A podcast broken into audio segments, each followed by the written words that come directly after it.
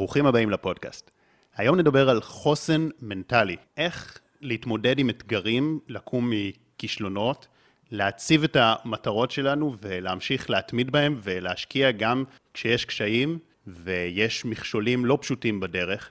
ובשביל לדבר על הנושא הזה הזמנתי אורח מתחום שהוא לא התחום הרגיל של האורחים בפודקאסט, כי אמרתי, בשביל באמת לדבר על חוסן מנטלי, הכי טוב זה לא מישהו שהוא פסיכולוג או מנטור, או אפילו לא מישהו שהצליח בתחום העסקי, יש תחום אחד שבו החוסן שלנו הוא יותר מהכל, אפילו יותר מספורט, וזה התחום הצבאי. בשביל זה הזמנתי את יובל אילם, מעבר לזה שהוא יוצא יחידה קרבית בעצמו של 669, יובל הוא מי שפיתח את הרעיון של הכנה לצבא, ויש לו מרכז חינוכי שמכשיר אנשים ליחידות קרביות ויחידות מובחרות. הוא עושה את זה כבר 36 שנה, עם ניסיון כזה, יובל. זה יהיה מאוד מעניין לשמוע את התפיסה שלך לגבי פיתוח של אה, חוסן מנטלי והתמודדויות, כי באמת הרבה בוגרים שלך ב-36 שנה גם הגיעו ליחידות קרביות ולתפקידים מאוד מאוד בכירים בצה"ל, ולא רק בצה"ל, אלא גם במשק. תודה רבה שהגעת. קודם. תודה על ההזמנה. קודם כל, הנושא הזה בעל משמעות אדירה, כי כל מי שרוצה להצליח חייב להבין שהדרך הזאת לא מתחילה מ-0 ל-100. לפני 30 שנה הגיע אליי בחור נחמד מאוד, מבחינת היכולות הגופניות שלו, נאמר את זה בעדינות, בינוני ומטה, שלא מעבר לזה, אבל הבחור הציב מטרה גבוהה להגיע ליחידה מובחרת. בסופו של דבר, מה שיפה במיונים בצבא, שמסתכלים לא רק על המצב הנוכחי שלך מבחינה גופנית, אלא על הפוטנציאל שלך, כי כושר גופני אפשר להקנות. שורה התחתונה, הבחור התקבל ליחידה מובחרת, התחיל בגאווה גדולה את השירות הצבאי שלו, ואחרי בערך עשרה חודשים הודח מהיחידה, שזה מבחינתו הייתה מכה מאוד מאוד קשה. עכשיו השאלה היא הבחירה, מה אתה עושה? חברים שלו לצוות עשו קורס חופשים ועברו לתפקיד עורפי, הוא החליט שהוא ממשיך במסלול הקרבי, הגיע ליחידה מובחרת אחרת, אמנם פחות מובחרת, והיה צריך למצוא את מקומו. הוא תפס את עצמו, הרים את עצמו, סיים את המסלול, יצא לקורס קצינים, וחמש שנים אחרי שסיים את הקורס קצינים, היה מפקד של אותה יחידה. שלושים שנה כמעט אחרי, היום מדובר באחד הקצינים הבכירים ביותר בצה"ל, בחור שזוכה להצלחה אדירה, והכל בזכות אותו כישלון. אתה אומר, אוקיי, בזכות כישלון, אבל יש אנשים מסוימים שנכשלים ונשברים. נכון. ויש אנשים מסוימים שהכישלון רק מדליק אותם ונותן להם יותר כוח. אז מה בעצם עושה את ההבדל? יש פה הרבה דוגמאות של צבא, כי זה באמת אה, נקודות שהקושי הוא ברמה אולי הכי גבוהה שיש, באמת יותר מספורט, יותר מעסקים, יותר מהכל, אבל זה תקף בסופו של דבר לכל דבר שאנחנו עושים בחיים. ודאי, ודאי. יגאל בשן, זיכרונו לברכה. בשנות ה-70 בא והציע להרכב הגשש החיוור שיר שלו. יוסי בנאי היה הבמאי של הלהקה ודחו אותו. היה לו מאוד קשה כי להגיע לגשש החיוור הייתה זכות גדולה ואז יוסי בנאי אמר לו יש לי ציפור קטנה בלב היא עושה לי מנגינות קח תמשיך את זה הלאה והוא המשיך את זה הוא היה יכול לבחור להגיד טוב לא קיבלו את השיר שלי עכשיו אני ברוגז עצוב או הוא נתן לי איזה שורה בוא נראה מה אני אעשה עם זה והוא עשה את זה, את אחד הלהיטים הכי גדולים שלו, ואגב, בין כותבי השיר כתוב יגאל בשן ויוסי בנאי. בשורה התחתונה זה בחירה שלנו, אבל הבחירה שלנו היא פועל יוצא של מי אנחנו כבני אדם, איך גדלנו, איך עיצבו אותנו ואיזה דוגמאות, אגב, את הסיפור הזה על יגאל בשן סיפרתי לפני שבוע לילדים הקטנים שלי. כי אני כל הזמן רוצה לפתח בהם ובחניכים שלי, שאני קורא להם יהלומים, את הכלים. המסגרת הזאת נקראת מרכז חינוכי.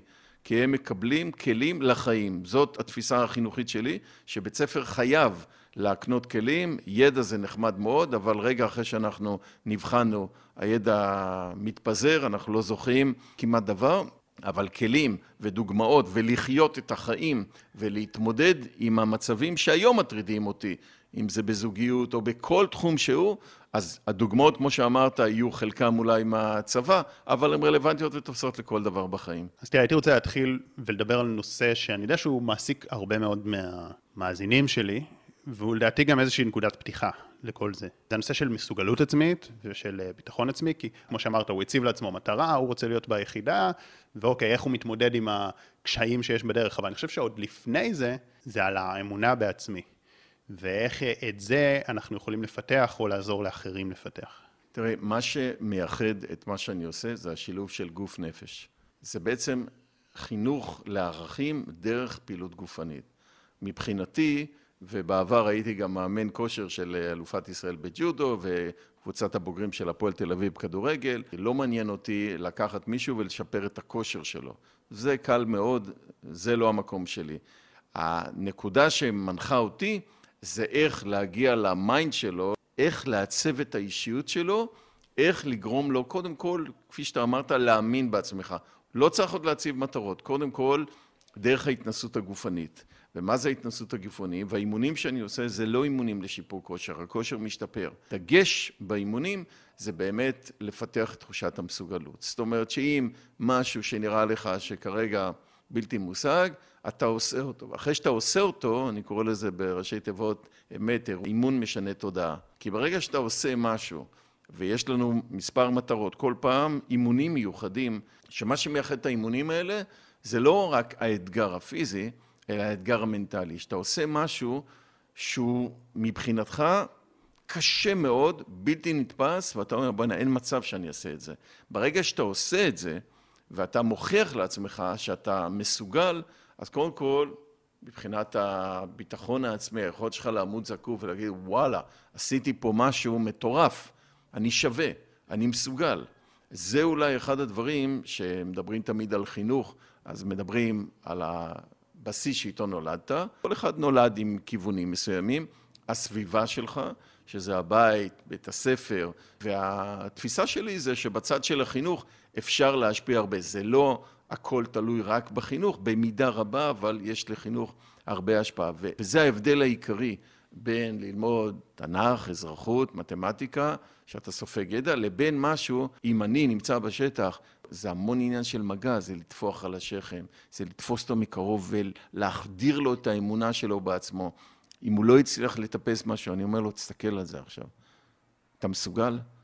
אז הוא אומר, לא, תסתכל על זה, אני מסוגל לעשות את זה, אני יכול לעשות את זה, עם מילים שהן מילים מעצימות, ויאללה, קדימה, לך תסתער על זה. ואז הוא מסתער על זה, הוא רואה שהוא הצליח, הפעם הבאה, אני אומר לו, אני לא אהיה לידך בפעם הבאה, במבחנים של החיים.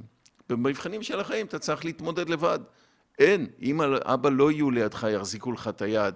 ולכן גם מבחינת התפיסה, לשחרר ולפתח תחושת מסוגלות, זה בין השאר עצמאות. אתה חושב שבמובן הזה, הצבא, זה שכולם פה הולכים לצבא, והם צריכים ללכת להתמודדות מאוד קשה, לבד, תורם לחברה גם במובן רחב יותר מעבר לביטחון. אחד הדברים שמייחדים את החברה שלנו זה שאתה בגיל 18, לא כולם אגב, רק חלק, הולכים לצבא, מתגייסים, ואז אין, אין בך ברירה, אתה חייב להתמודד. אחר כך אתה יוצא, וזה אחד ההבדלים שמסתכלים בעולם, אתה מתקדם לחברות כאלו או אחרות, או שאתה רוצה לבד להתפתח, אתה במקום אחר. אתה יודע מה, אני אף פעם לא חשבתי על זה לעומק, מבחינת הכלים המנטליים שהצבא נתן לי, ואני לא הייתי בקרבי, הייתי במודיעין. זה בכלל לא היה לי שום קושי פיזי, אבל אה, נגיד היו קורסים מפרכים לא פחות אה, של המוח, דברים שבחיים לא האמנתי שאני יכול להתמודד איתם, ווואלה עשינו את זה, לא יודע איך, אבל אחר כך זה באמת, הכל נראה קל כזה, ואחר כך האחריות שנותנים לך, אתה מתעסק בדברים, ידעתי בכלל, לא ידעתי שמדינת ישראל עושה את זה. מה אתם נותנים לי את זה? אני בסך הכל בן 19.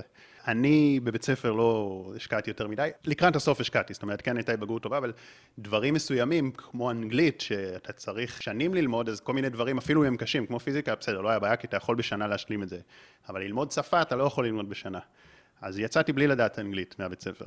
וחשבתי שבסדר, אני, ייקח לי זמן ללמוד, אבל אחרי שעשיתי את הקורסים במודיעין, אז אמרתי, אה, מה הבעיה? אני פשוט למד אנגלית לבד, ותוך כמה חודשים למדתי אנגלית ברמה גבוהה. סטיב ג'ובס דיבר את זה, connecting the dots. אנחנו מחברים את הנקודות, הרבה פעמים אתה לא רואה את זה, שהוא הלך לקורס ליטוגרפיה באוניברסיטה, שזה בכלל, הוא פרש בעצם, והוא נשאר באוניברסיטה ללמוד אה, כל מיני קורסים. זה מה שאחר כך פתאום, בראייה לאחור, קידם את כל הטכנולוגיות שהוא בנה ופיתח, אבל אנחנו הרבה פעמים לא רואים, אתה אומר, רגע, מה יצא לי מזה, מה זה יתרום לי? אז קודם כל, וזו גם נקודה משמעותית שקשורה לחוסן, זה שאתה שואל, מה מניע אותי? למה אני עושה את הדברים? זאת אומרת, קודם כל, לבנות את הביטחון העצמי בלי שום קשר לאיזה מטרות אני רוצה להציב או משהו. קודם כל, כבסיס של להאמין בעצמי. אני, אני מדבר עם החניכים כל מפגש על שישה ערכים, על להיות בן אדם, בטיחות, מצוינות, מנהיגות, רעות ונתינה. עכשיו, איפה הצבא פה? עכשיו, ברגע שאתה, סט הערכים האלה חזק, מתפתח אצלך, אחרי זה אתה לוקח את הכלים האלה, מלביש את זה, לא משנה על איזה תחום, שיחקת אותה, אתה בדרך הנכונה. כשאני מדבר על מנהיגות, זה לא רק להוביל אנשים, זה קודם כל להנהיג את עצמי. לקום בבוקר, לעשות את הדברים שאני נדרש להם, קודם כל להוביל את עצמי. השלב הבא זה באמת לחשוב למה אני רוצה, מה אני רוצה, לבדוק את הדברים האלה. פונים אליי כל יום בשאלות, אה, מה אתה ממליץ? אני לא ממליץ כלום. כי בסוף כל אחד, וזה גם אחד האתגרים, צריך להתמודד עם מה שהוא בחר. ואם שחר בחר במודיעין, אז אחר כך שחר צריך להתמודד עם הקורסים המפרכים. אבל אם יובל אמר לשחר, שחר, אני נראה לי שאתה מתאים למודיעין, תלך, אחרי זה אתה אומר, לעזאזל יובל, מה הוא המליץ לי? האחריות צריכה להיות עליי, לפתח שהבחירות יבואו ממני. בהקשר הזה של החלטות, אני, לא היה לי קל אף פעם עם החלטות, באמת. אה, אחד הדברים שלמדתי, זה קודם כל, ככל שאתה מקבל יותר החלטות, יותר קל לך לקחת אותן, ואם אתה מתייעץ עם אנשים, אז אחר כך, אם ההחלטה הייתה טובה, אתה לא בונה מזה את הביטחון העצמי. כי אני לא מדבר אם אתה מתייעץ, אם אתה מבקש מאחרים ממש את התשובה. להתייעץ זה טוב. קיבלת את התשובה, אז אם ההחלטה הייתה טובה, אתה לא מרגיש שפיתחת את המסוגלות. ואם ההחלטה הייתה לא טובה, אז אתה לא לומד אותו דבר. ואם אתה לוקח בעצמך, אז לשני הצדדים, גם לחיובי אתה מרגיש יותר ביטחון כתוצאה מזה, וגם לשלילי אתה לומד מזה יותר. נכון, נכון. אתה בעצם אומר משהו מאוד מאוד חזק. אתה אומר, עיקר ההתפתחות של תחושת המסוגלות והביטחון העצמי של בן אדם, לפחות בדרך שאתה עושה, היא על ידי יציאה מאזור הנוחות והתמודדות עם קשיים ופחדים, ועל ידי זה שאני מתמודד איתם ורואה אני מסוגל, זה כבר מחלחל פנימה לנפש ולמנטליות. זה א', אחרי זה ב', לפני כמה שנים בהרצאה בתיכון, דיברתי איתם על הצבת מטרות, ואמרתי לתלמידים, תגידו לי, עכשיו אתם בי"ב, מה המטרה שלכם? אז אחד אמר לי, אני רוצה ללמוד פיזיקה באוניברסיטה העברית. אמרתי לו, וואלה, נהדר. למה באוניברסיטה העברית ולא בסטנפורד? איפה שאלברט איינשטיין היה, ואיפה שכמעט כל שנתיים שלוש יש שם איזה זוכה פרס נובל. למה לא לכוון לסטנפורד? האוניברסיטה העברית מדהימה, אוניברסיטה מעולה.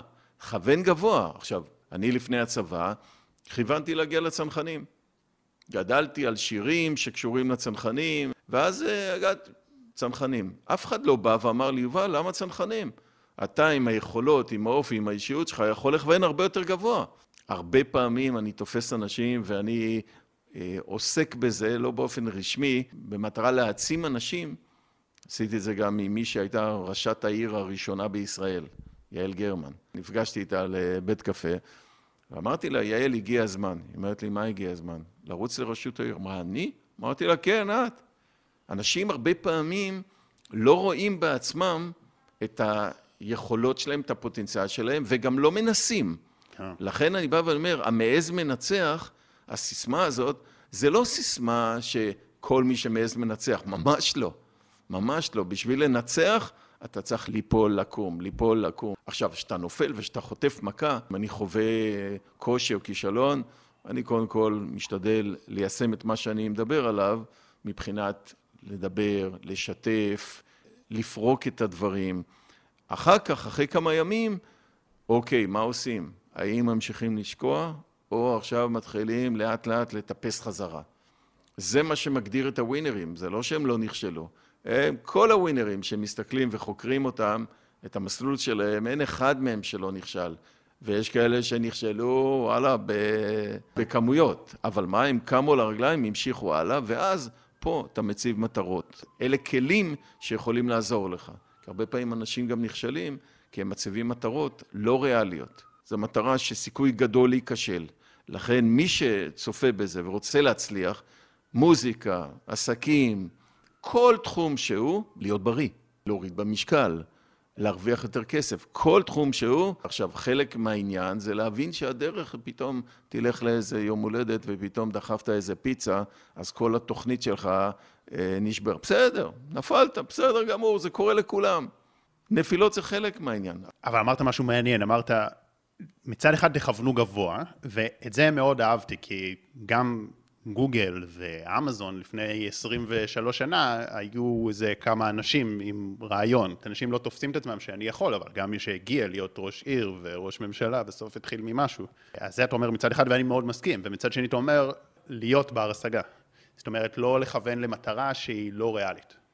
אז איך אתה מוצא את המשהו שדוחף אותך לעומת הדבר שהוא בכל זאת ריאלי, ואגב, פה גם אפשר לשאול את השאלה, רגע, למה שלא תציב לך מטרה מאה אלף ותחשוב, כמו שאילון מאסק אומר, הוא אומר, תציבו לכם מטרות, את המטרות לעשר שנים, לעוד שנה, אין סיכוי שתשיגו אותם באמת, אבל אתם תשיגו יותר ממה שהייתם משיגים אם זו הייתה מטרה קטנה יותר. אז איפה האיזון, ואיך לדעתך נכון להציב את המטרות? כמה גבוה לכוון לעומת... שאלה מצוינת. אפשר לעשות איזה ניסוי וטעייה. אתה מנסה, הצבתי 100 אלף, לא הלכת, אוקיי, אז נציב 50 אלף.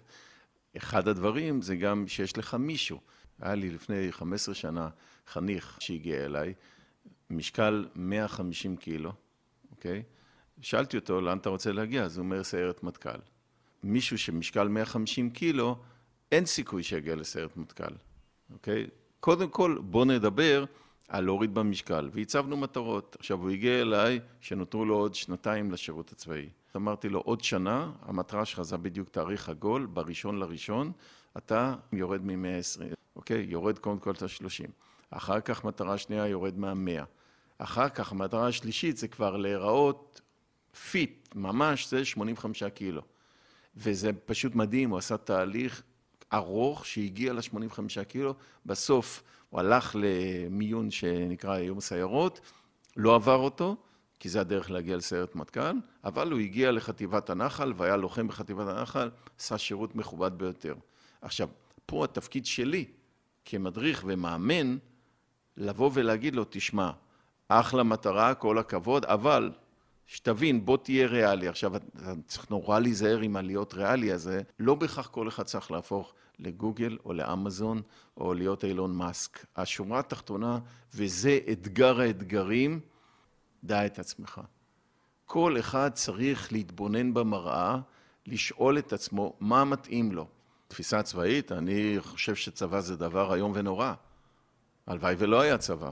לא טבעי בגיל 18 לבוא לעשות את מה שאנחנו עושים. אבל בשורה התחתונה אני אומר, גם בהינתן במצב הזה, שהוא לא אידיאלי, אפשר להפיק ממנו ולקבל ממנו המון. רובנו לא בוחרים, אנחנו אה, הולכים לשירות צבאי, אז אתה אומר, אוקיי, אז מה אני עושה עם עצמי? האם אני בא ועושה עם עצמי משהו, או שאני בא ואני זורם, לאן שיקחו אותי? אני בא ואני אומר, לא, אל תזרום, קח אחריות על החיים שלך, אם אתה יכול להגיע למקום אחר. אם אני הייתי בא ואני אומר, אני לא הולך לשום עיון, אני אלך לזה. הייתי מגיע אולי לצנחנים. אני מאוד מאוד שמח שהגעתי, שהמסלול שלי נותב ככה, כשאני עסקתי בהצלת חיים, הלכו לי ביום ראשון 50 חניכים לגיבוש סיירת מטכ"ל ושייטת 13. אתמול דיברתי עם חניך שאמר לי, תשמע, בגיבוש שייטת הבנתי שזה לא בשבילי. אמרתי לו, מצוין, אני לא צריך את הגיבוש בשביל לדעת מי אתה, אני יודע שאתה בחור מדהים ומקסים, תבחר את הדבר שמתאים לך. כי הרבה פעמים אנחנו שטופים בדרך המדיה, אה, ומה, אנחנו רוצים, אני רוצה להיות כמוהו. למה? אתה יודע מה המחיר? אגב, דיברתי על וויל סמית, אז ראיתי אתמול קטע מזה, הוא סיפר מה זה אומר להיות מפורסם. הבן אדם עשרות שנים, כוכב על, לא זכה עדיין באוסקר, וכל הזמן אה, מצפים, שוכחים שהוא בן אדם בסוף, שצריך חיבוק, שצריך חום. אגב, עשה דבר שהוא אלים, כן? בעייתי, אבל אנחנו שוכחים שאנשים בני אדם, מצפים מהם שאם יש להם מאות מיליוני עוקבים, אז הם בטח מיוחדים. לא, בסוף הם בני אדם שצריכים חיבוק וחום, ואני מכיר את האנשים אה, הכי מפורסמים במדינה, וכל אחד בסוף, הצרכים הבסיסיים שלו דומים. כן, מאוד אה, יפה וחזק לשמוע את זה. באמת שאני חושב שבכלל בדבר הצבאי הזה יש הרבה מאוד אה, ניגודיות. כמו שאתה אומר, זה דבר באמת נורא שעדיף שלא היה. ויש בו הרבה ניגודיות, כי מצד אחד אתה דוחף לקצה, ומצד שני חברות וחום ותמיכה, ומצד שני זה הדבר הכי אלים ונורא, אבל מצד שני גם הרבה ערכים. החוכמה בחיים זה לא או-או, אלא להיות גם וגם. ואני עושה להם תרגילים מאוד מיוחדים בהקשר הזה, שהם לא מבינים מה, מה הוא רוצה. למשל, בתקופה הזאת פורחות החרציות. חרציות זה פרח שאתה יכול לקטוף, אז אני עושה להם תרגיל מאוד מיוחד, שהם כותבים חרציות, וצריכים להביא את זה למישהו שהם אוהבים. משפחה, חברה, חבר, מה שזה, הם, הם בהלם מהתרגיל הזה. ויש להם לא מעט תרגילים שהם לא תרגילים שצריכים לטפיס על משהו וכוח רצון והכול, אלא צריכים לפתח את הרגישות, את החום, את האהבה, ולהסביר להם שזה לא ניגוד, אלא זה הולך יחד. כן, אתה יודע, פתחנו ודיברנו על זה שדרך התמודדות עם קשיים, אתה מפתח ביטחון עצמי שאחר כך הוא רלוונטי לך בכל מקום בחיים, ואתה מפתח מסוגלות עצמית, וזה אומר שבעצם עצם ההתמודדות הזאת היא לא המטרה עצמה, אלא אמצעי להפוך להיות אדם יותר אה, חזק, יותר טוב. האם אתה רואה את זה בעוד מקומות שבעצם השאלה החשובה היא לא האם השגת את המטרה, אלא מי שאתה הופך להיות בדרך. ההתמודדות לא בהכרח תוביל אותך להיות חזק יותר, זה איך אתה מתמודד, זאת אומרת, זה ההתמודדות יכולה להפיל, ויש לא מעט אנשים שאני מכיר שהתמודדויות הפילו אותם, הם תפסו את עצמם כבלתי שבירים, וברור שאני אצליח, וברור שאני אצליח, והם לא הקשיבו לאפשרות, לקול הפנימי ולקול שלי, שהי, אתה גם תוכל ליפול. העניין של להבין גם מה היה אצלך, מה אחוז ההצלחה בגיבושים, כן? זו שאלה שכיחה. אצלי מגיעים 20 חבר'ה, 15 עוברים, וואו, איזה תודה. תגדיר הצלחה. מישהו שלא האמין בעצמו, ועכשיו מאמין בעצמו, זה לא הצלחה. הניסיון להגדיר כאילו, וככה נמדדים בתי הספר, מאיפה המדדים האלה של זכאות לבגרות, מאיפה זה מגיע? זה, זה דברים פוליטיים. כי קשה מאוד uh, למדוד ולהגיד, רגע, היום הילד מדבר עם ההורים שלו. היום הילד מוכן להעז, יש לנו תרגיל שנקרא תרגיל לשמיעת לא.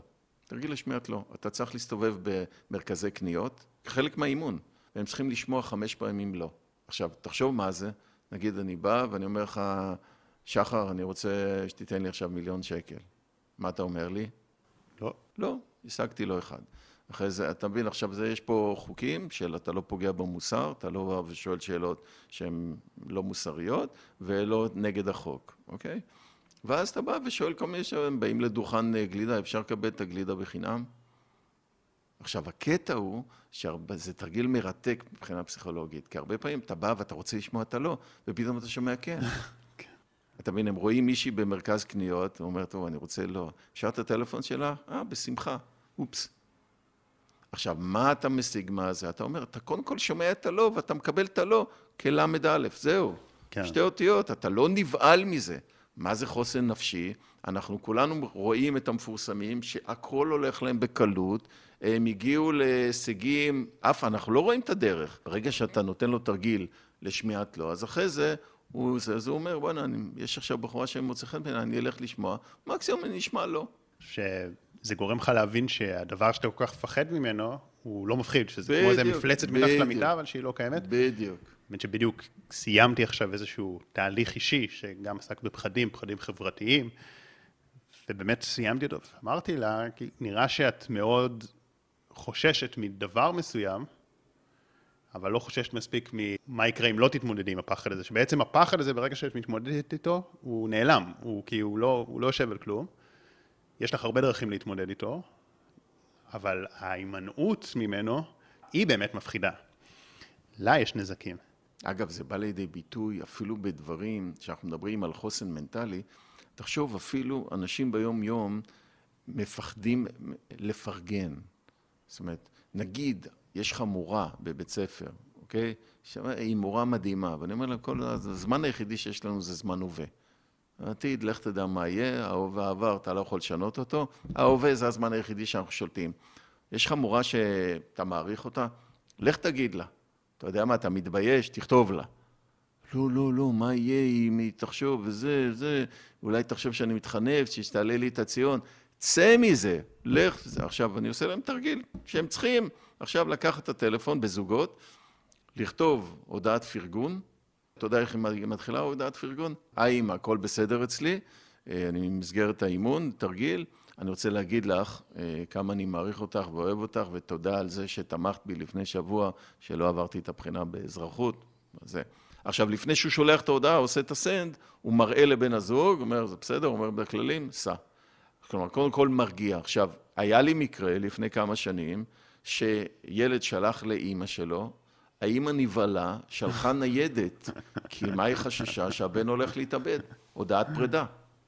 אני רוצה שהם יתרגלו את זה, קודם כל להוקיר אנשים בעודם בחיים, לא לחכות. כתבתי פעם מאמר, אין אומרים שבחו של אדם בפניו, אלא על קברו. אנחנו נהדרים בהספדים, אבל כשהבן אדם בחייו, אנחנו לא נעים, מתביישים, דוחים וכולי. עכשיו, תשאל איך זה קשור לחוסן אה, נפשי, לחוסן מנטלי. נורא פשוט, הפחדים מנהלים אותנו, בין אם בלהעז לעלות על במה, בין אם להציב מטרה גבוהה, ובין אם לפרגן לבן אדם.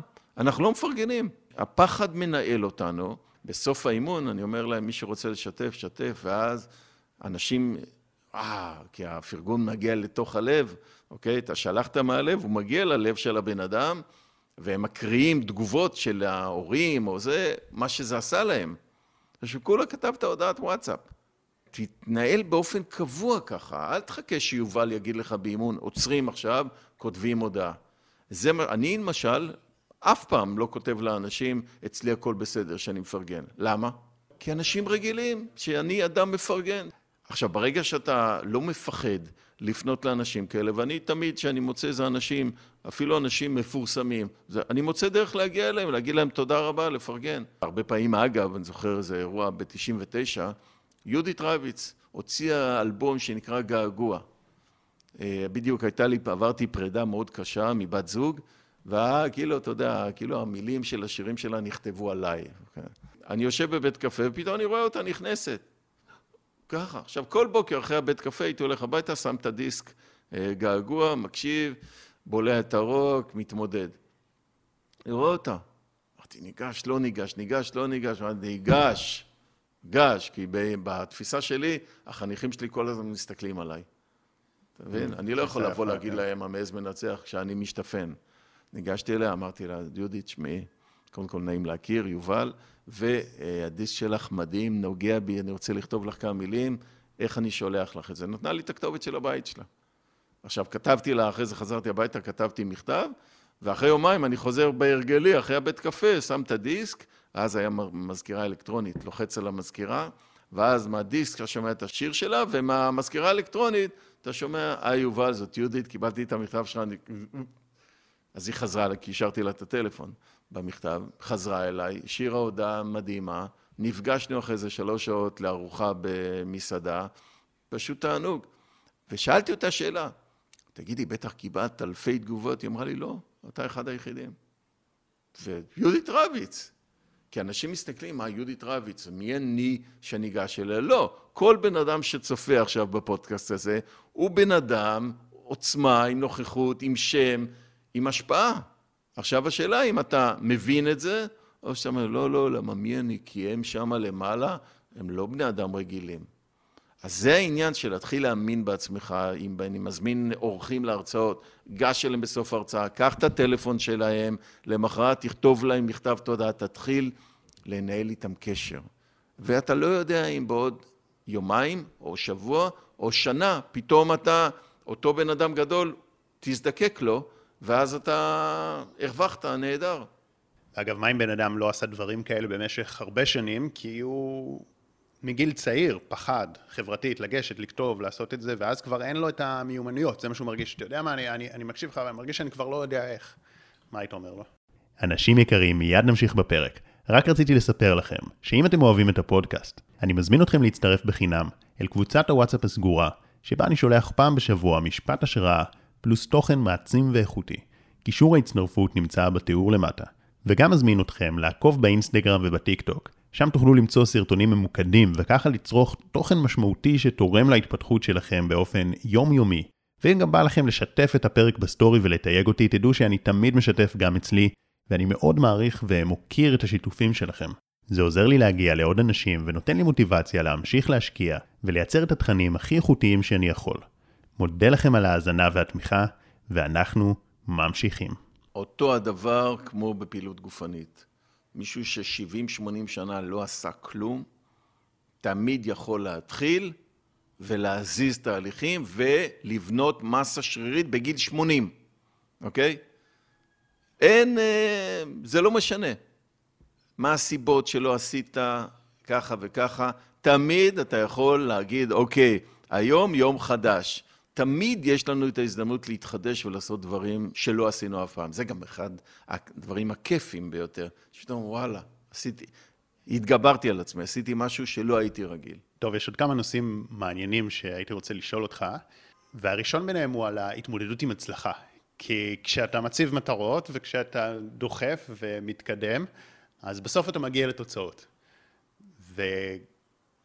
וגם פה יש כל מיני התמודדויות מסוימות. זו שאלה נהדרת. אה, אגב, בשנים הראשונות של העבודה שלי פחות uh, התעסקתי איתה, ואז גיליתי את האתגר הגדול, שאתה הגשמת את המטרה שלך, עכשיו אתה מה שנקרא בשמיים, ותסתכל, זה מאוד יפה על האולימפיאדה האחרונה שהייתה, אמרתי לבת הזוג שלי, תראי, אני אגיד לך מה הולך להיות, עם ארתום דולגופיאט ועם לינוי אשרם, אוקיי? שניהם זכו במדליית זהב. שניהם הגיעו לשיא התהילה, מדליית זהב אולימפית, מדליה אולימפית זה מטורף, מדליית זהב זה פשוט לא יאומן. ומה קרה?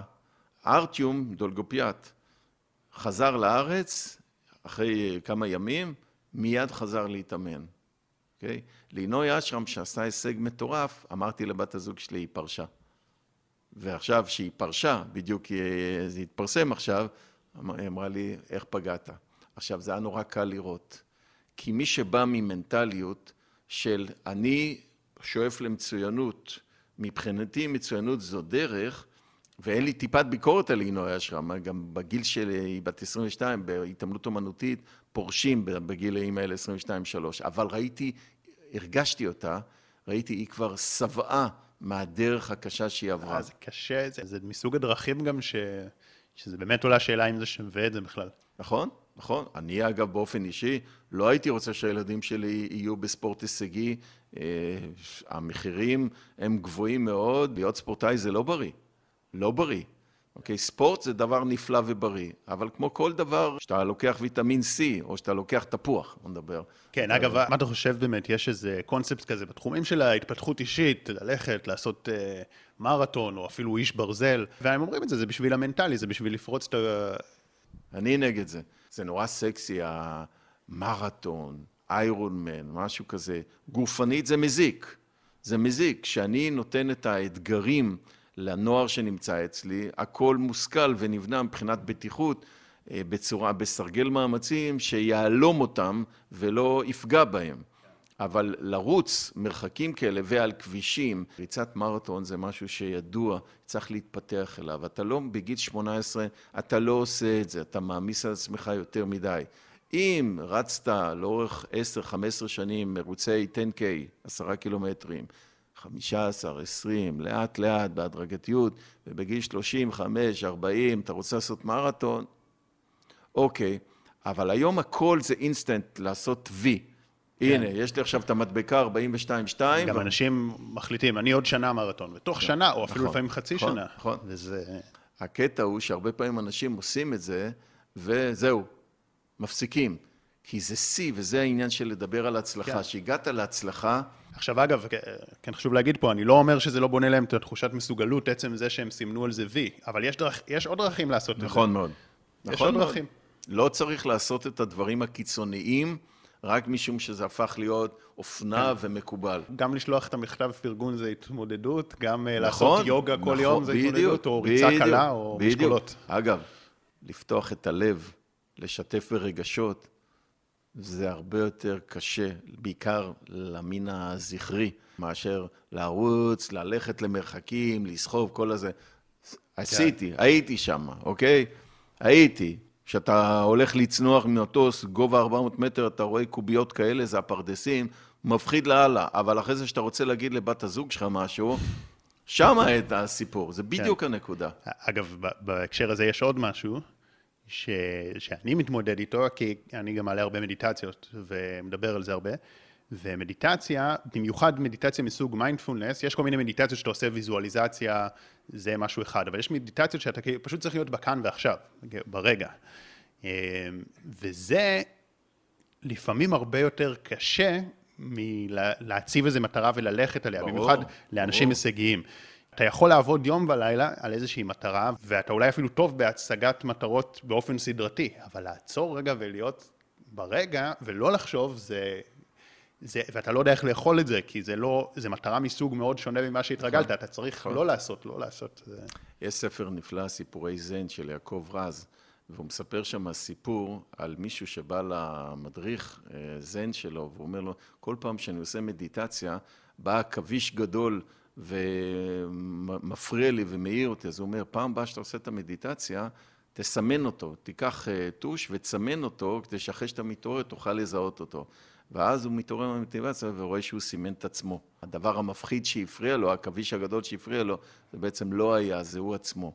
והאתגר הכי גדול שלנו, לכן אמרתי מקודם, בערך של המנהיגות, זה לא מנהיגות קודם כל של להוביל אנשים, לא משנה איפה, זה קודם כל להוביל את עצמך, להתבונן פנימה, באומץ וביושר. האומץ הכי גדול זה להגיד, אוקיי, אני מוכשר במתמטיקה, אבל אני לא רוצה להיות מרצה באוניברסיטה, אני לא אלמד תואר ראשון, שני, שלישי. אני מוכשר במחשבים, אבל לא בא לי, אני לא רוצה, זה לא מדבר אליי. בעיניי, משולש ההצלחה, אני קורא לו, מורכב משלוש צלעות. צלע אחת זה מה היכולות שלך, צלע שנייה זה מה התשוקה שלך, וצלע שלישית, האם יש לזה ביקוש. כלומר, סתם ניתן דוגמה, אני מאוד אוהב לשיר, אוקיי? תשוקה שלי זה לעלות על במה ולשיר. יש גם צורך, אנשים רוצים ללכת להופעות. מה יש לי? אבל מה, יש לי קול גרוע. בעיה. אריק איינשטיין, אחד הזמרים הגדולים בעיניי, הגדול מכולם, אהב לשיר, אוקיי? קול מדהים, הקהל התחנן להופעות, אבל הוא, היה לו פחד קהל, הוא לא פחד במה, הוא לא רצה לעלות על במות.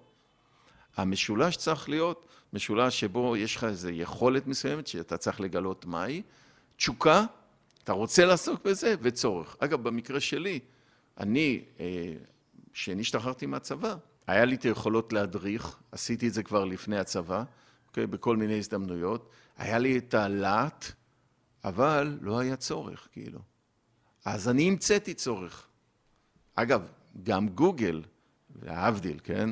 אמזון, פייסבוק, כל הדברים האלה לא היו.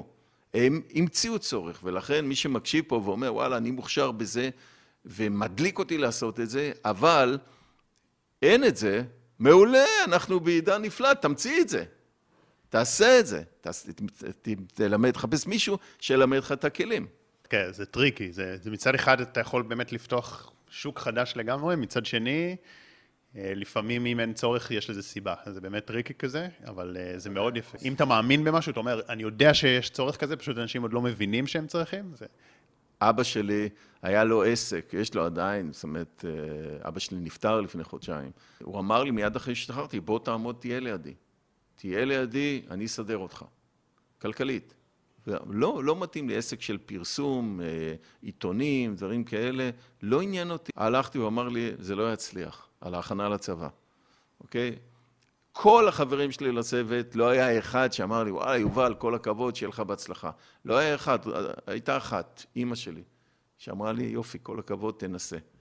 ובהתחלה הגיעו אליי שני ילדים. באתי לתיכון שבו למדתי, סיפרתי על השירות הצבאי, ואמרתי, אני פותח מסגרת שטחים נפשית וגופנית, אתם מוזמנים. באו שני ילדים, נרשמו, שהם אחרי זה באו לאימון, ולא רצו לרוץ. לא הבנתי מה הם זה. במקביל ליוויתי טיולים בתור חובש, כי אי אפשר להתפרנס מ-60 שקל לחודש, הם שילמו כל אחד 30 שקל, אז 60 שקל לחודש לא זה, וככה זה התחיל. ככה זה התחיל. ואחר כך, זה אמרו, ליוויתי טיול בבית ספר רעננה, אז מורה בשם רוני אמרה לי, אה, יש אצלנו, שאמרה מה אני התחלתי לעשות, יש אצלנו ילדים עם מוטיבציה, תבוא. ואז משם באמת באו שמונה ילדים. השמונה האלה היו המסה המרכזית, ואחרי חצי שנה היו 120 ילדים. ו... אבל בהתחלה כולם ניסו להניע אותי, זאת אומרת, אני מבחינתי, זה הדליק אותי, אני הייתי טוב בזה, אבל המצאתי משהו חדש, ולכן פה העניין של החוסן המנטלי בעסקים, דברים כאלה, אתה לא מוותר, אתה לא מוותר, אתה תאמין בעצמך, אתה אומר, יש לי משהו. עכשיו, קיבלתי פידבקים, ריג'קטים שליליים, לא רק מהאנשים הקרובים אליי. התחילו לשמוע את זה מפקדים בצבא, מדריכים בגיבושים. ירדו עליי, ירדו על חניכים שלי שהגיעו. אה, אתם אצל יובל, הוא מוכר לכם את הסודות, כל מיני דברים כאלה. לא פשוט. השני, אני הייתי סוג של חלוץ לפני המחנה, היום יש 500 מסגרות הכנה לצה"ל בישראל, שהם לא צריכים לעבור את מה שאני עברתי, של אה, ירדו עליי, קטלו עליי, מה שאתה לא רוצה.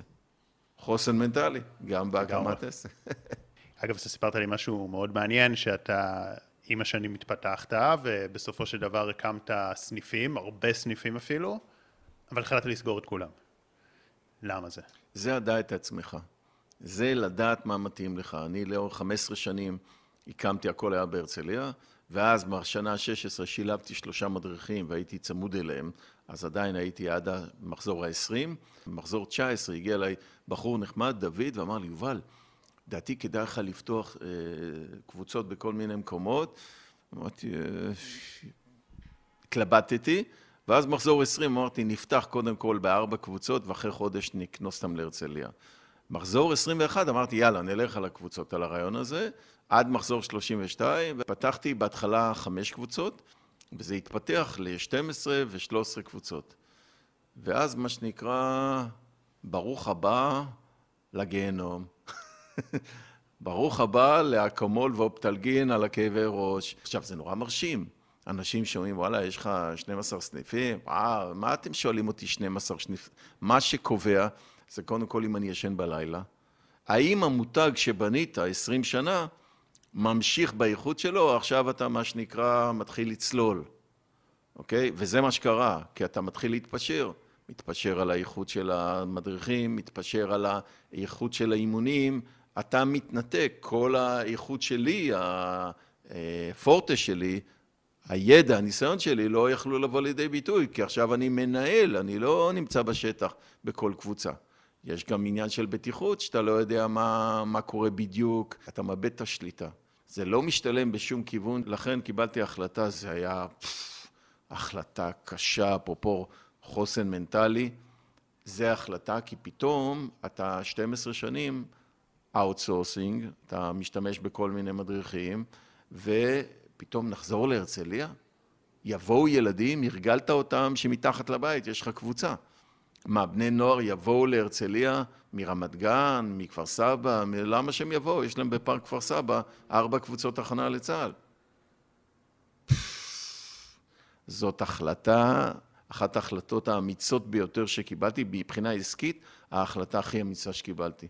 ואז כינסתי להרצליה, נפתח המחזור החדש, בראשון לספטמבר, 120 בני נוער הגיעו, אמרתי וואלה, נהדר. וזו הייתה רק ההתחלה. אחר כך אה, זה הלך וגבר, ופתאום אתה רואה, מגיעים אליך חבר'ה מערד, מאשקלון, מירושלים. היה לי קבוצה בירושלים עם עשרה חניכים. היום יש לי שלושה עשר חבר'ה מירושלים, בהרצליה. תפסתי את יואב לפני שנה וחצי, אני לא אשכח את זה. אמרתי, יואב, תגיד לי, מתי תצא מהבית? איך, תספר לי איך אתה מגיע אליי. הוא אומר, אני יוצא בשתיים וחצי מהבית, לוקח אוטובוס לרכבת הקלה, מהרכבת הקלה לתחנה המרכזית, מהתחנה המרכזית לתל אביב, מתל אביב יורד בכביש החוף ליד הרצליה והולך קילומטר ברגל. זה הלוך, זה וחזור, וזה שלוש פעמים בשבוע. כן, ולפעמים גשם. בטח, גשם, חם, חמס... לא משנה מה. עכשיו, יש לי כרגע ארבעה חבר'ה מכרמיאל, כרגע. זה באמת אה, דוגמה מאוד מאוד יפה, שהיא מלמדת הרבה. אין שום דבר רע בסניפים, כן? זה, זה דבר מאוד נפלא להתרחב, אבל באמת הבנת מה נכון עבורך. נכון. כי, כי אתה נכון. מאמין בבטיחות, אתה מאמין בבוטיק, ולעשות את הדברים באיכות ה... מקסימלית, ואתה גם אוהב את השטח, אתה אוהב נכון, את הילדים, נכון. אתה באמת אוהב אותם, כאילו, זה לא...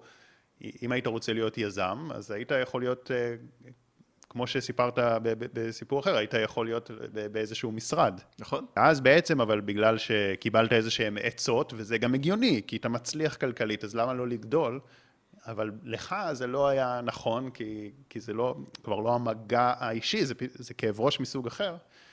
וזו דוגמה מאוד מאוד יפה שהיא ככה נותנת איזה איזון גם לכל מה שדיברנו, כי תציב מטרות ותגדל, ותצ... אבל בהתאם למה שנכון עבורך. דע את עצמך, אני כל יום שישי כבר חמש שנים וחצי כותב uh, טור, ש... נקרא שישי לנפש, והטור הזה זוכה לפידבקים אה, מטורפים. אחד הדברים שאני מדגיש שם זה את העניין הזה של תבחר מה שמתאים לך. כשאני הייתי צריך לקבל את ההחלטה הכל כך אמיצה מבחינתי, לסגור את הסניפים, אתה יודע, זה, זה כאילו מי יבוא, אם יבואו. וזה... כן. אז אחד הבוגרים שלי, ערן, שהוא רופא מומחה, פלסטיקאי, והוא סיפר לי שנה לפני שאני קיבלתי את ההחלטה, ואני ככה, היו לי כל מיני סיפורי השראה, לכן כל מי שמקשיב, הסיפורי השראה, וזה לא משנה מאיזה תחום, הנה הוא מרפואה בכלל. הוא אמר לי, תשמע יובל, כבר התקבלתי למחלקה בבית חולים רציני, ראיתי איך זה מתנהל, הבנתי שזה לא מתאים לי, חתכתי לפרטי. עכשיו, עוד לא בנה שם. הרבה רופאים, למה נמצאים בבית חולים? הבית חולים, שם הם נחשפים ובונים לעצמם את השם. הוא קפץ למים, מה שנקרא לעומק, בהצלחה, הוא לא ידע שזה יצליח, אבל האמין בעצמו, זה התחושת מסוגלות, להאמין בעצמך שאתה מסוגל, והוא מצליח בצורה מדהימה. היום אגב, מנהל uh, המחלקה הפלסטית באותו בית חולים. בנוסף לזה שהוא פרטי. זאת אומרת, בסוף זה עניין של דע את עצמך, להבין מה מתאים לך, ואז כן. להסתער, ללכת על זה בכל הכוח. ואז הק... הקטע היפה שאתה עושה את זה, אז גם העולם מתגמל אותך, כי הנה, אנשים באים מכרמיאל, מירושלים, הם uh, מוצאים את הדרך, כי, כי אתה עושה את, את הדבר שאתה טוב בו ומאמין בו, ומכין אותם לחיים, כמו שאתה אומר, ולא לצבא. יש, יש את המשל הזה על הלחמי מים שצפרדע בפנים. אוקיי? ברגע שאתה זורק צפרדע למים רותחים, היא תקפוץ משם. אחד הדברים שאנחנו כולנו בחיים, צריך כל הזמן להיות ערני וחד. כי אתה לא שם לב, ולאט לאט מעלים את הטמפרטורה, אתה בתוך המים, מעלה, מעלה, מעלה, ואתה מבחינתך, אתה אומר, חם עכשיו, אתה לא שם לב לזה. אני לא שמתי לב, זאת אומרת, אני שמתי לב, אבל עצרתי רגע לפני שיהיה איזה משהו שהוא משמעותי, ואז אחרי זה אלך לספר סיפורים. וזו כן. הנקודה, הערנות הזאת. כן. מה, אתה יודע, אני עושה יוטיוב הרבה שנים. כבר לפחות כמה שנים טובות שהקהל גדול, ופונים אליי הרבה אנשים, גם לתהליכים אישיים, גם לקורסים, אבל מבחינת ההיצע שלי של המוצרים, זאת אומרת, בין שזה אישי, כי זה מן הסתם מאוד מאוד מוגבל, וגם קורסים, אה, הוא מאוד אה, קטן היה, הוא גדל, עכשיו אה, כבר יש לי הרבה יותר. למרות שיכולתי לגדול יותר מהר, אבל ככה, לא יודע, הרגשתי שאני צריך מאוד מאוד בעדינות כדי לא, כדי לא להגיע למצב שאני בונה את עצמי באיזה עסק, ואז אני לא עושה את הדבר שלשמו התחלתי. אז זה באמת, אה, נתן לי הרבה השראה עכשיו, מה שאמרת, והרבה הבנה לגבי איך לתכנן את הדברים האלה. ושמעתי המון המון פעמים, למה אתה לא עושה משהו יותר גדול? כי... אתה, אתה מבין שאלוהים נותן אגוזים למי שאין שיניים, אתה יודע כמה אנשים היו שמחים לקהל כמו שלך, אתה מבין כמה זה שווה, כאילו זה, יש אנשים אחרים שמפרסמים במאות אלפים, או לפחות בעשרות אלפים בפייסבוק, כדי להגיע ל... אבל התחלתי מאיזושהי סיבה מסוימת, לייצר תכנים, להביא ערך מסוים, אני לא, לא רוצה לאבד את המהות של זה ואת המשמעות של זה ולפגוע באיכות. צריך אה, לגדול בהדרגה. גם בסוף אנחנו חושבים תמיד, אחת השאלות שזה מאוד מעניין, שהנוער עסוק בזה בשנים האחרונות, בלמה שלך. כן. למה? למה אתה רוצה להגיע לפה? למה אתה רוצה לעשות את זה? וכשאתה נכנס לזה בסוף, הרבה פעמים יש לנו כאילו את הגביע הקדוש. אבל הגביע הקדוש בהרבה מובנים זה, זה אשליה. אני חלמתי על להוציא ספר, אוקיי, אז לפני שש שנים הוצאתי את הספר. בהתחלה זה כאילו נולד לך ילד, זה כאילו וואו. זה, זה מטורף. אבל בסוף, אתה רואה את ה-V הזה שאתה עושה, שנגיע לכמות מינויים כזאת, שזה, אז כאילו, החיים שלך השתנו דרמטית, אתה עכשיו פתאום מאושר יותר? לא, אז עכשיו נשאף לזה, וזה זה שוליית הקוסם כזה, שאתה לא מפסיק, אתה כל הזמן, ובסוף אתה אומר, רגע, מה עם הבריאות? מה עם השלווה שלי? מה עם הרוגע שלי? החיים שלי השתנו דרמטית אם עכשיו אני אוסיף עוד להכנסה שלי או משהו כזה. זה סבבה אם זה מתווסף, אבל כל הזמן תבדוק מה המחירים. מה המחירים שזה גובה ותובע ממך לפני שאתה תחטוף את המחלה או את הבומבה. כל הזמן לעשות אה, איזונים בלמים ולבדוק עם עצמך, וזה תהליך מרתק, מדיטציה מאוד עוזרת גם בעניין הזה של ה... טיפה לנשום ולהרגיע, אה, אבל זה אחד האתגרים. להתמודד עם הצלחה, תמיד, אגב, שיש לי איזה אירוע שיא, איזשהו אירוע מטורף, אני מתכנן מראש מה אני הולך לעשות, ואני אומר את זה לאנשים, אני הולך לעשות את זה. כלומר, אם, סתם דוגמה, מישהו משתתף בריצה, אז ביום שישי, שזה איזה שיא מסוים שהתכוננת אליו חודשים, מה אתה עושה ביום ראשון?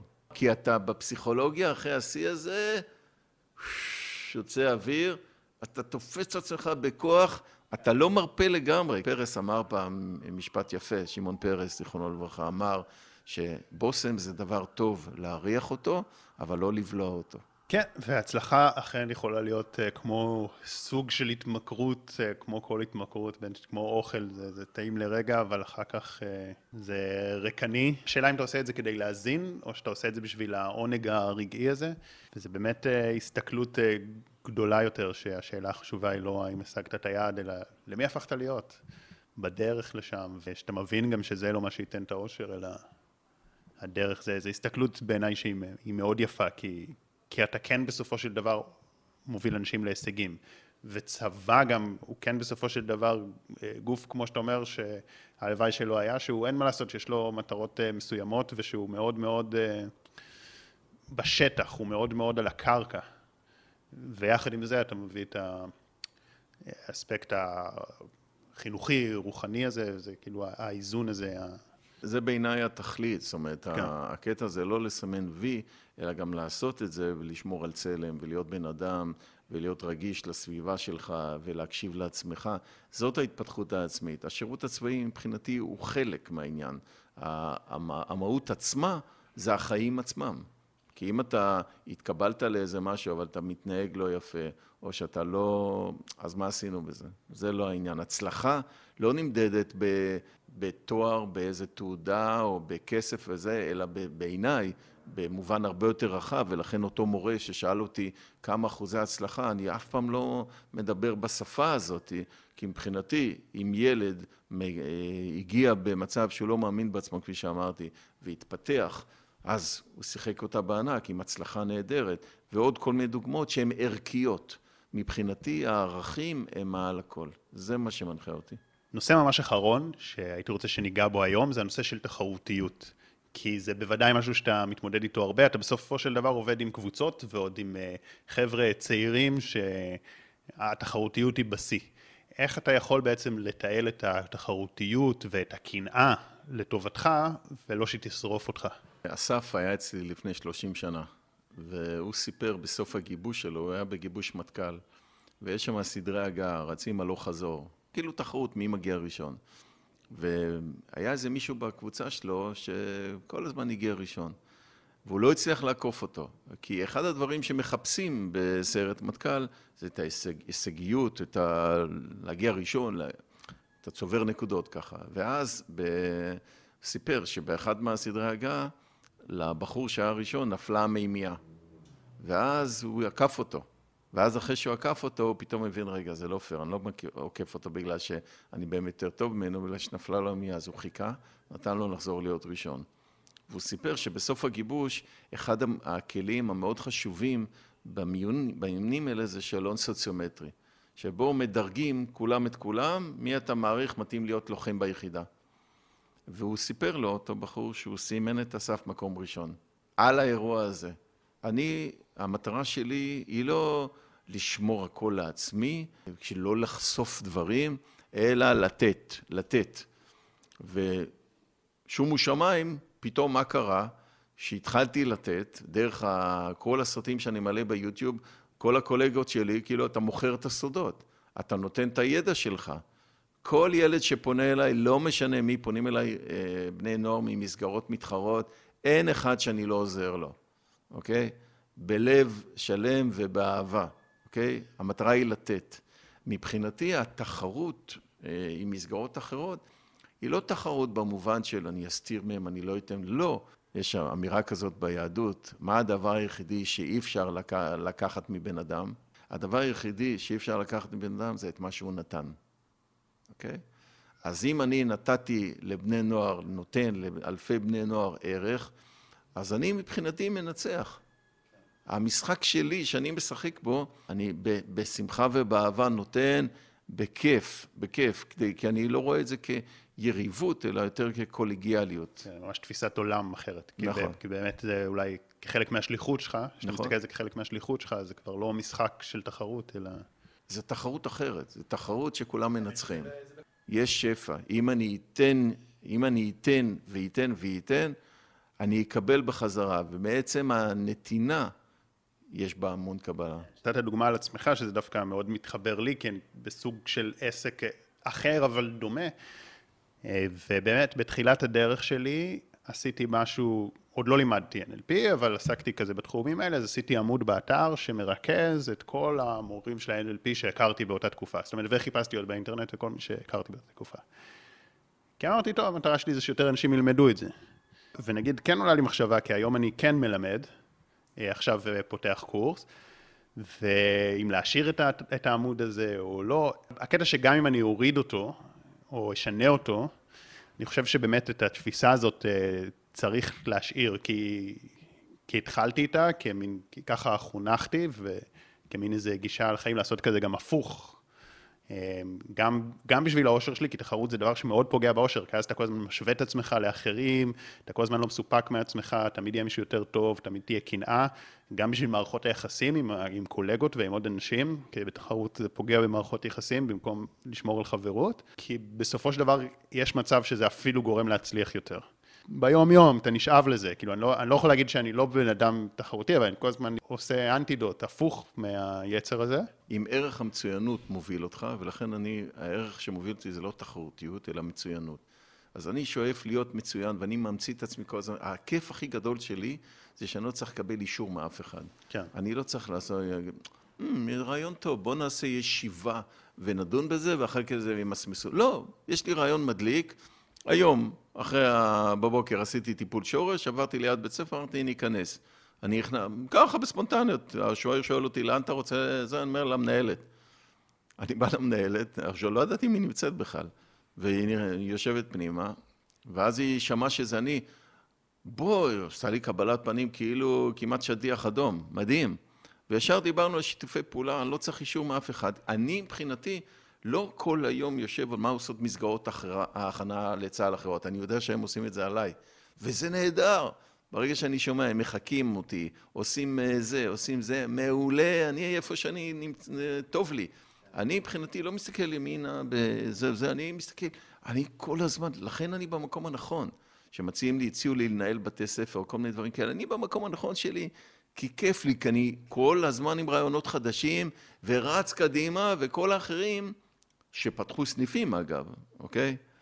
לא יכולים, כי, אתה, כי זה משחק אחר. יש את האלה שזה, שזה טוב להם לעשות עסקים ויזמויות ולא להיות ב, בפרונט, ובאמת כל אחד מה שנכון לו. נכון. באמת על הדוגמה שהעליתי, שככה עלתה לי המחשבה, דוגמה לגבי עמוד כזה, אז בזמנו עשיתי אותו, כאילו ידעתי שזה לא באמת הדבר שמשפיע, יותר כלעשות איזשהו מעשה חיצוני, ועשיתי עוד כל מיני מעשים כאלה, כאילו הזויים קצת, כדי שזה יחלחל פנימה. כי כאילו, הנה, עשיתי את זה, נשארתי בחיים, אפילו רק יצרתי מערכות יחסים יותר טובות, זה לא, לא פגע בי, נשארה לי פרנסה, כל מיני מעשים כאלה שהם כאילו הזויים, כדי לשבור את ה mind הקטן הזה, שתחרות ו- והשפע המוגבל. זה טוב לפעמים לקחת אה, רעיונות כאלה, כאילו משהו הזוי כזה קצת לעשות. אם אנחנו מרגישים שאנחנו נהיים יותר מדי תחרותיים, אז לעשות איזה משהו... לשבור. הרמב"ם דיבר על זה שאיך מיישרים מגילת קלף, הופכים אותה לצד השני. זאת אומרת שאם אתה במקום אחד, תעשה כן. הפוך לגמרי.